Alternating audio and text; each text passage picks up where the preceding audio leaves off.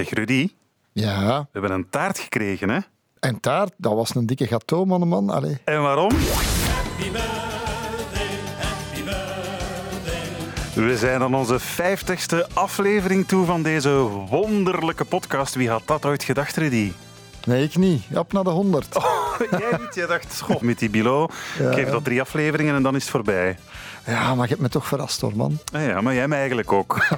Goed zo. Je valt veel beter mee dan de mensen En we zeggen. kunnen ook door één deur van de studio. Voilà. Maar ik stel toch voor dat we nu datgene doen waarom die miljoenen mensen ook al 50 afleveringen naar ons aan het luisteren zijn.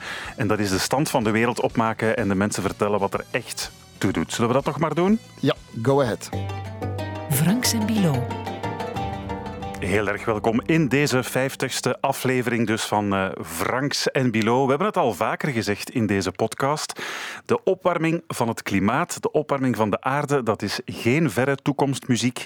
Die is al volop bezig. We maakten ooit een podcast, Rudy, herinner ik mij, een van die 50 over de opwarming in het Midden-Oosten, die sneller gaat dan bij ons en waarvan eigenlijk al ja, toch vaak is aangetoond dat die de conflicten daar in het Midden-Oosten ook in de hand werkt, als, als een soort brandversneller werkt. Een van mijn dadas, hè, dat is namelijk dat in Syrië, hè, om nota bene het, het langstlopende gruwelijke conflict op dit ogenblik, waar men eh, door die opwarming de, het platteland deels ontvolkt is naar de steden gegaan, extremisme toeneemt, armoede, en eigenlijk mee die oorlog gevoed heeft. Ja, droogte, het mislukken van de oogsten kan er allemaal toe ja. bijdragen dat conflicten sneller. eh, En er zijn er nog anderen die op de loer liggen. Hè. Wat, wat gaat er gebeuren als je met de dammen en de Nijl problemen krijgt voor Egypte? Mhm. Om maar iets anders te zeggen. Dat. Of als we het over klimaatopwarming hebben, maar dat is geen conflict geweest. Maar wat is hier gebeurd in, eh, bij ons met de Vesder, met overstromingen? Ja, absoluut. In deze podcast, in deze aflevering, willen we het hebben over een natuurramp in Azië die hier misschien niet zo heel veel aandacht krijgt, maar die ons wel degelijk zorgen zou moeten baren en die ons hier in het Westen ook met de neus op onze verantwoordelijkheid drukt. En dan hebben we het, Rudy, over Pakistan. massale overstromingen inderdaad in eh, Pakistan. We halen er Yassine Attari bij, vliegende reporter van VRT Nieuws. Dag Yassine. Hey, goedendag. Jij zit op dit moment alweer in Japan, maar beste Yassine, we kennen jou als vliegende reporter en jij bent afgelopen maand in Pakistan geweest, onder meer om daar een NGO te volgen die actief is en die probeert de mensen daar eh, te helpen. Vertel misschien eens eerst, want ik denk voor veel mensen komt dit als nieuws. Veel mensen gaan uit de lucht vallen omdat dit nieuws nauwelijks eigenlijk hier in het Westen wordt opgepikt. Wat is daar eigenlijk de afgelopen maand, maanden gebeurd in Pakistan? Ja, het zat eh, heel kort in het nieuws, denk een maximum een week, eh, eind augustus. Dus je hebt het jaarlijkse regenseizoen, ehm, maar dit jaar hebben ze eh, de meest hevige regen gezien ooit. en daardoor ook de ergste overstromingen ooit, waardoor grote delen van het land onder water stonden. Een derde van het land stond onder water. Eh, Ja. 1700 mensen zijn omgekomen, zo'n 33 miljoen mensen zijn getroffen door die overstroming. Mensen zijn dakloos, mensen hebben hun akkers verloren.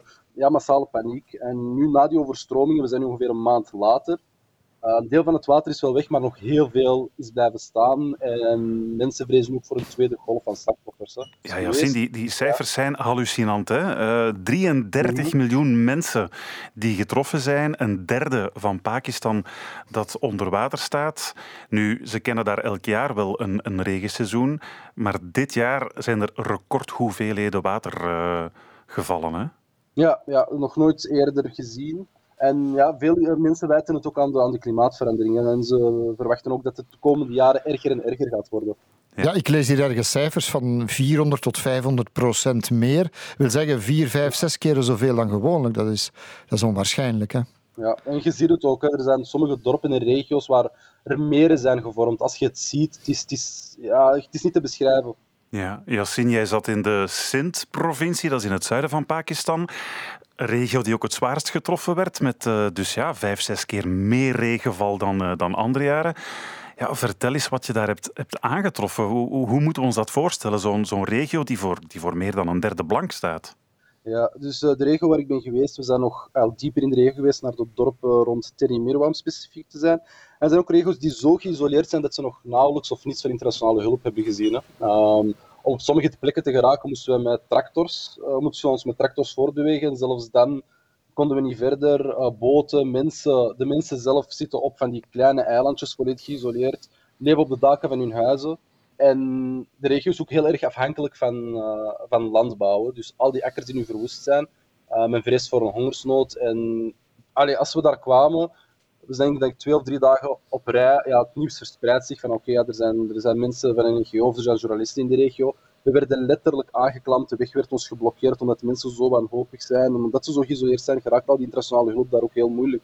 Ja, maar Yassin, als je zegt op leven op de daken van de huizen, dat wil zeggen dat ze nu, mhm. vier weken tot zes weken later, nog altijd ja, op overlevingsmodus zitten.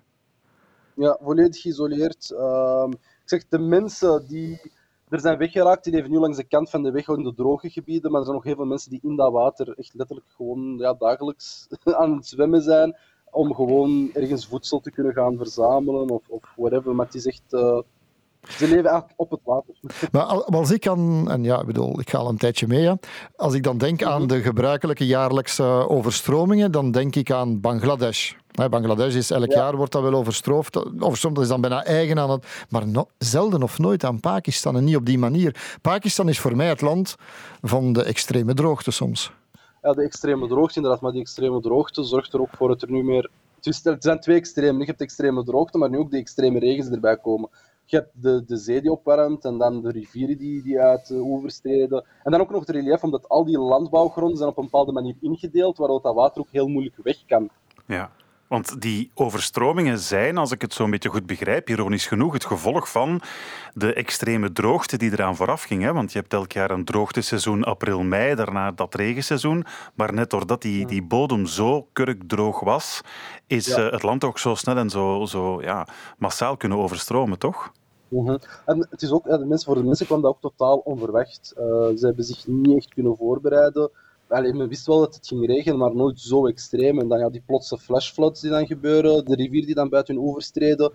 Ja, je kunt het nu wel proberen op te lossen of whatever, maar gaan met de komende jaren.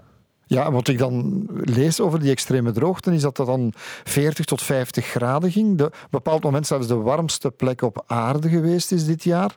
En dan slaat dat om en krijg je die monsoons, zijn dat dan daar? Ja, monsoons on steroids, heeft de VN-secretaris-generaal het genoemd. En dan krijg je plots alles dat overstroomt en weggesleurd wordt. En daar kan men niet op voorbereid zijn, kinder. Dat is onmogelijk, lijkt me. Ja, onmogelijk. Je kunt, allez, ik zeg het, het was totaal onverwacht. Men had nooit verwacht dat het op deze schaal ging zijn. Als het nu erger wordt, in hoeverre kunt u je voorbereiden op zoiets? Ja. Je hebt daar een NGO gevolgd, uh, die probeert ja, de eerste nood te lenigen. Maar wat is daar de eerste nood? Is dat vooral op dit moment voedsel tot bij de mensen krijgen of dat water proberen weg te krijgen? Dat is juist het ding. Dus je hebt, de eerste nood, wanneer de overstroming juist gebeurt, waar focussen de mensen zich heel erg op, op tijdelijke opvangen voedsel. Maar als we nu gaan kijken naar een oplossing op lange termijn, is het al het stilstaande water dat er nog is wegkrijgen. Want heel veel van de mensen die ik ook heb gesproken, zij zoeken geen handouts. Zij willen geen voedselpakket ontvangen. Zij zeggen zelf van we willen gewoon terug naar ons, naar ons leven als hiervoor. En ze steken ook zelf de hand uit de mouw om dat water dat door middel van pompen, tractors, emmers daar gewoon weg te krijgen. Ja, dat, dat water wegkrijgen is, is inderdaad een van de belangrijkste taken daar voor de, voor de NGO's. Want een van de, de, de mensen die daar sprak, ik geloof de oprichter van uh, Team Humanity eh, USA, die waarschuwt, zoals je net zegt, ook voor ja, een tweede golf die volgt op die eerste. Hè, want na de meer dan 1700 doden als rechtstreeks gevolg van de overstromingen, vrezen ze daar inderdaad voor een tweede golf. Uh, you can see that there's still still water here, so people fear a second wave. Um, by the end of this year, World Health Organization predicted that there would be 2.7 million cases of waterborne illnesses, which is incredibly huge. Diseases such as malaria, gastro, dengue are huge, huge concerns at the moment. Dat zijn dan gevolgen waar je in eerste instantie nog niet eens bij stilstaat. Hè? Want dus niet alleen die landbouw is zwaar getroffen met hongersnood als gevolg. Het water dat heel de regio's heeft blank gezet, zou wel eens de ideale verspreider kunnen zijn van ziektes als malaria, dengue, allerlei maag- en darminfecties. Het is misschien nog maar het, het begin van wat er allemaal als gevolgen nog zit aan te komen.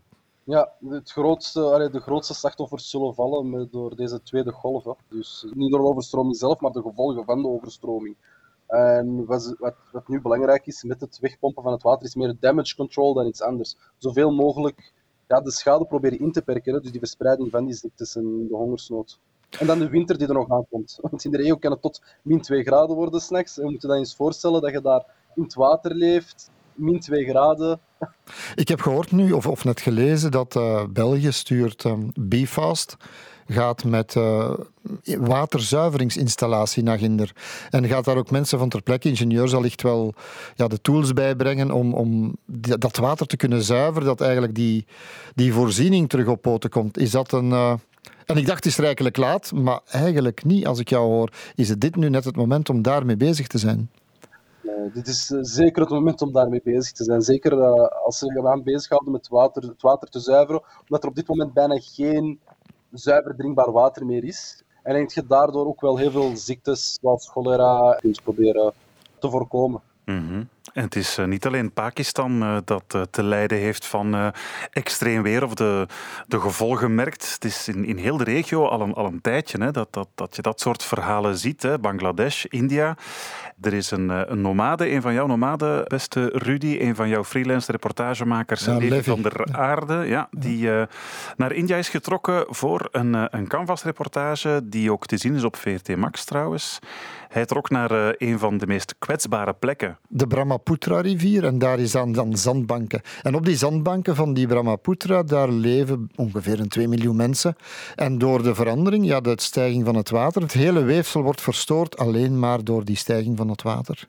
De problematiek is eigenlijk in India heb je de Brahmaputra, dat is een gigantische rivier met uh, ook heel veel zandbanken op.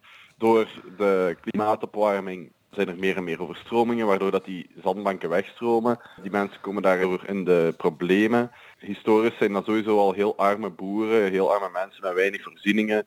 En door die klimaatopwarming wordt die situatie alleen maar moeilijker en moeilijker.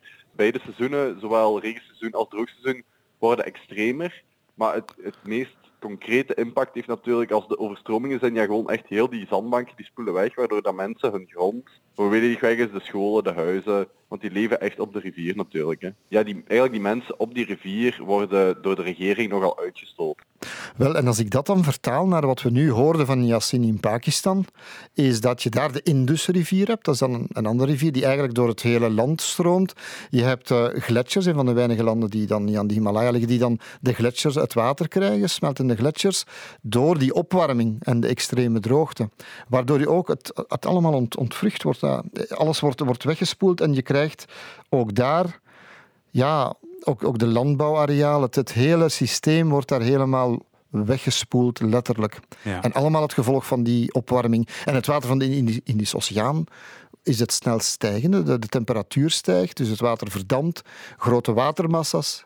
En voilà. Het is eigenlijk de plaats, Rudy, waar de opwarming van de aarde op dit moment al het meest voelbaar is. Hè? Daar komt het eigenlijk op neer. Ja, los van de dramatische beelden en verhalen die je hoort van de poolcirkels natuurlijk. Hè? Waar je dan de gletsjers die, en de, de ijsbergen die weg, wegsmelten. Als we dan het grotere plaatje van de klimaatproblematiek proberen te bekijken, dan moeten we er uiteraard eh, Vincent Merks bij halen. Al 50 afleveringen lang onze eindredacteur. Dag Vincent. Dag Vincent. Onze journalistiek-deontologische rots in de branding. wel. Bij Franks en Bilo. Dus alle klachten bij Vincent? Ja, voor, voor, klachten over deze podcast moet je bij Vincent zijn, maar ook bij alle vragen over uh, klimaat, want dat, dat volg jij voor, uh, voor VRT Nieuws, Vincent. Is dit inderdaad, deze regio, een soort uh, ja, het is misschien een beetje wrang om dat woord te gebruiken, maar een soort laboratorium voor wat er ons qua klimaatopwarming nog te wachten staat. Is, is dit eigenlijk een beetje een voorafschaduwing van wat er de rest van de wereld te gebeuren staat? Ja, als je het aan de klimaatwetenschappers vraagt, dan gaan die zeggen um, wat daar gebeurd is. De kans daarop vergroot door de klimaatopwarming. Sowieso, het is een moeilijke regio. Je zit met die monsoons. Dat is specifiek in Pakistan zelfs redelijk uh, onvoorspelbaar, omdat dat op een soort van breuklijn ligt. Dus het ene jaar is dat alles erger dan het andere. Ja. Uh, maar er is wel een team van klimaatwetenschappers dat een maand na de overstromingen echt heeft gekeken is dit nu door de klimaatverandering gebeurd of niet? En zij hebben wel echt besloten, ja, dit komt door de klimaatverandering. Dit is een effect daarvan. Ja, en de kans erop gaat vergroten de volgende jaren. Dat is ook sowieso nog zeker. Ja.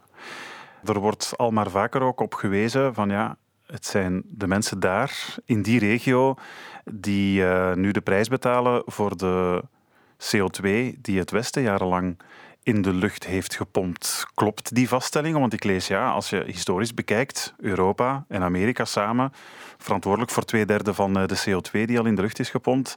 Het zijn zij nu die op dit moment de rekening gepresenteerd krijgen. Klopt die, uh, klopt die redenering? Ja, dat is helemaal waar. Je kan de, de atmosfeer kan je zo zien als een soort van badkuip. En wij hebben die gevuld met CO2. CO2 blijft eeuwenlang in de atmosfeer. Uh, en inderdaad, je zegt hetzelfde, het 60% is veroorzaakt door Noord-Amerika en uh, Europa. Daar zit CO2 in die wij 150 jaar geleden hebben uitgestoten, bij wijze van spreken met de eerste treinen die we hebben laten rijden op het continent.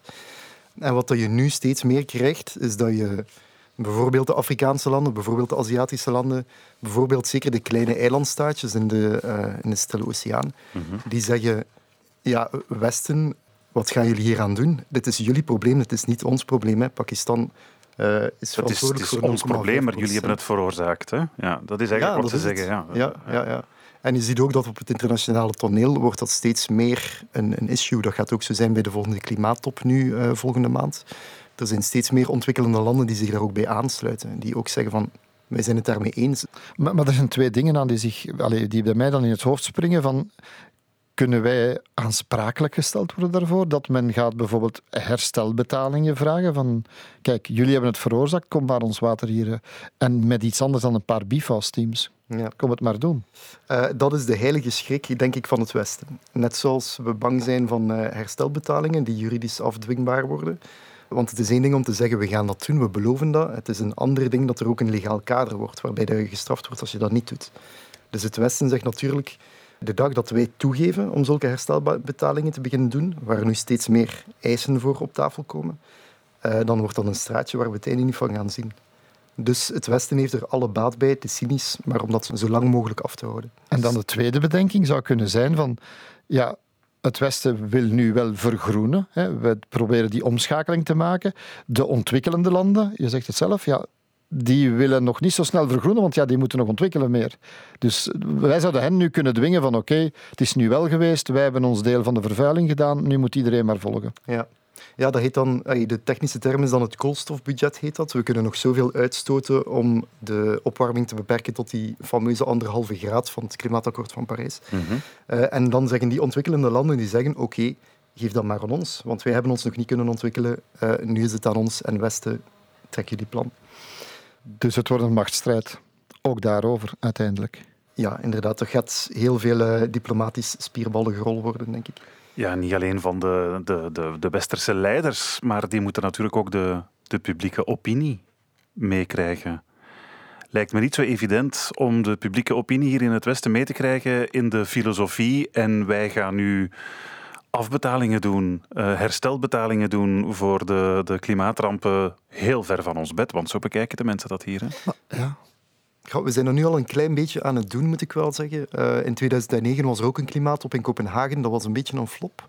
Maar toen hebben de uh, ontwikkelde landen wel beloofd om elk jaar 100 miljard uit te betalen, dollar, aan de ontwikkelende landen, moet ik zeggen. Ah, dus dat, um, er bestaat al een soort van herstelfonds. Ja, maar het is allemaal zeer technisch.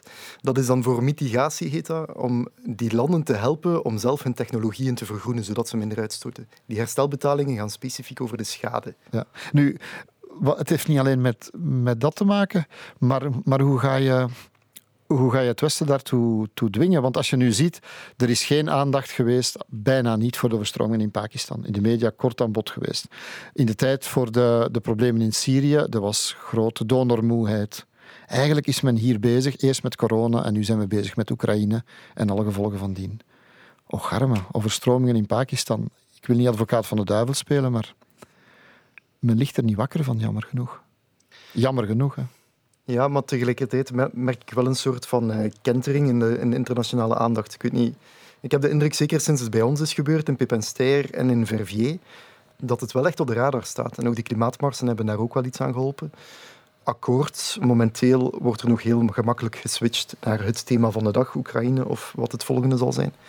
Maar ik denk dat naarmate de klimaatverandering ook bij ons voelbaarder wordt, ik bedoel, het is oktober, het is weer, wat is het, 22 graden buiten ik denk dat de urgentie wel snel duidelijker zal worden. Dus wat hier de rampen van Pepin Ster en in Italië vorige zomer de immense droogte die daar ook het uh, landbouwland op zijn, op zijn gat legt. Dus dat speelt mee. Dat, mm.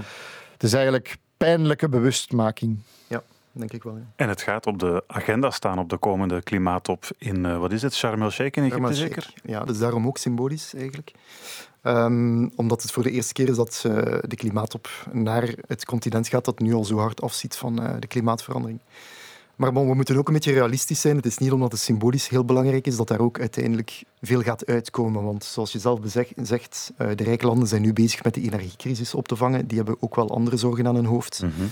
dan een klimaatfonds oprichten. Dus ja, en die rijke landen zijn nu bezig. Hoe gaan we ons toch weer terug naar fossiele brandstoffen? Hoe gaan we, god beter, opnieuw steenkool gaan opdelven enzovoort. Ja. Dus ja, dat is tegenovergestelde. Hè? Europa zegt nu, we gaan uh, terug een beetje meer verbranden, maar we gaan dan sneller stoppen met het Ja. Maar ja, dat valt allemaal nog te bezien. Dat ja. Is, uh...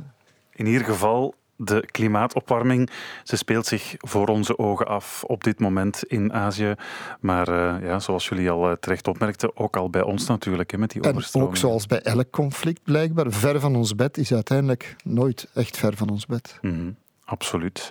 Beste Yassin Attari in Japan, maar dus net terug uit Pakistan. Heel erg bedankt om aanwezig te zijn in onze podcast. Jullie bedankt. En hetzelfde geldt voor uh, Vincent Merks, onze onafvolgbare eindredacteur. Dank voor de uitnodiging, Vincent. Heel graag, heel graag. Het moest er ooit van komen. En uh, wij, beste Rudy, we zijn er dan uh, over twee weken terug voor onze 51ste podcast alweer. Ja, de begin van een nieuwe cyclus van 50. Is dat afgesproken? Yep. Met de bazen ook doorgesproken? Want de... Uh, ja, de taart is al besteld. Ah, Oké, okay, dat is goed. Wel, over twee weken dan opnieuw present. En dan zou het wel eens kunnen zijn dat we het over het WK in Qatar gaan hebben. Want daar valt nog heel veel over te zeggen. Ja, we gaan party spoilen. Partypoepen heet dat eigenlijk. Partypoepen. Partypoepen. Ja, is dat Nederlands? Ja. Een drolletje komen leggen ja, op de ja, ja, dat gaan we, dat gaan we doen. Over twee weken. Tot over twee weken. Franks en Bilo.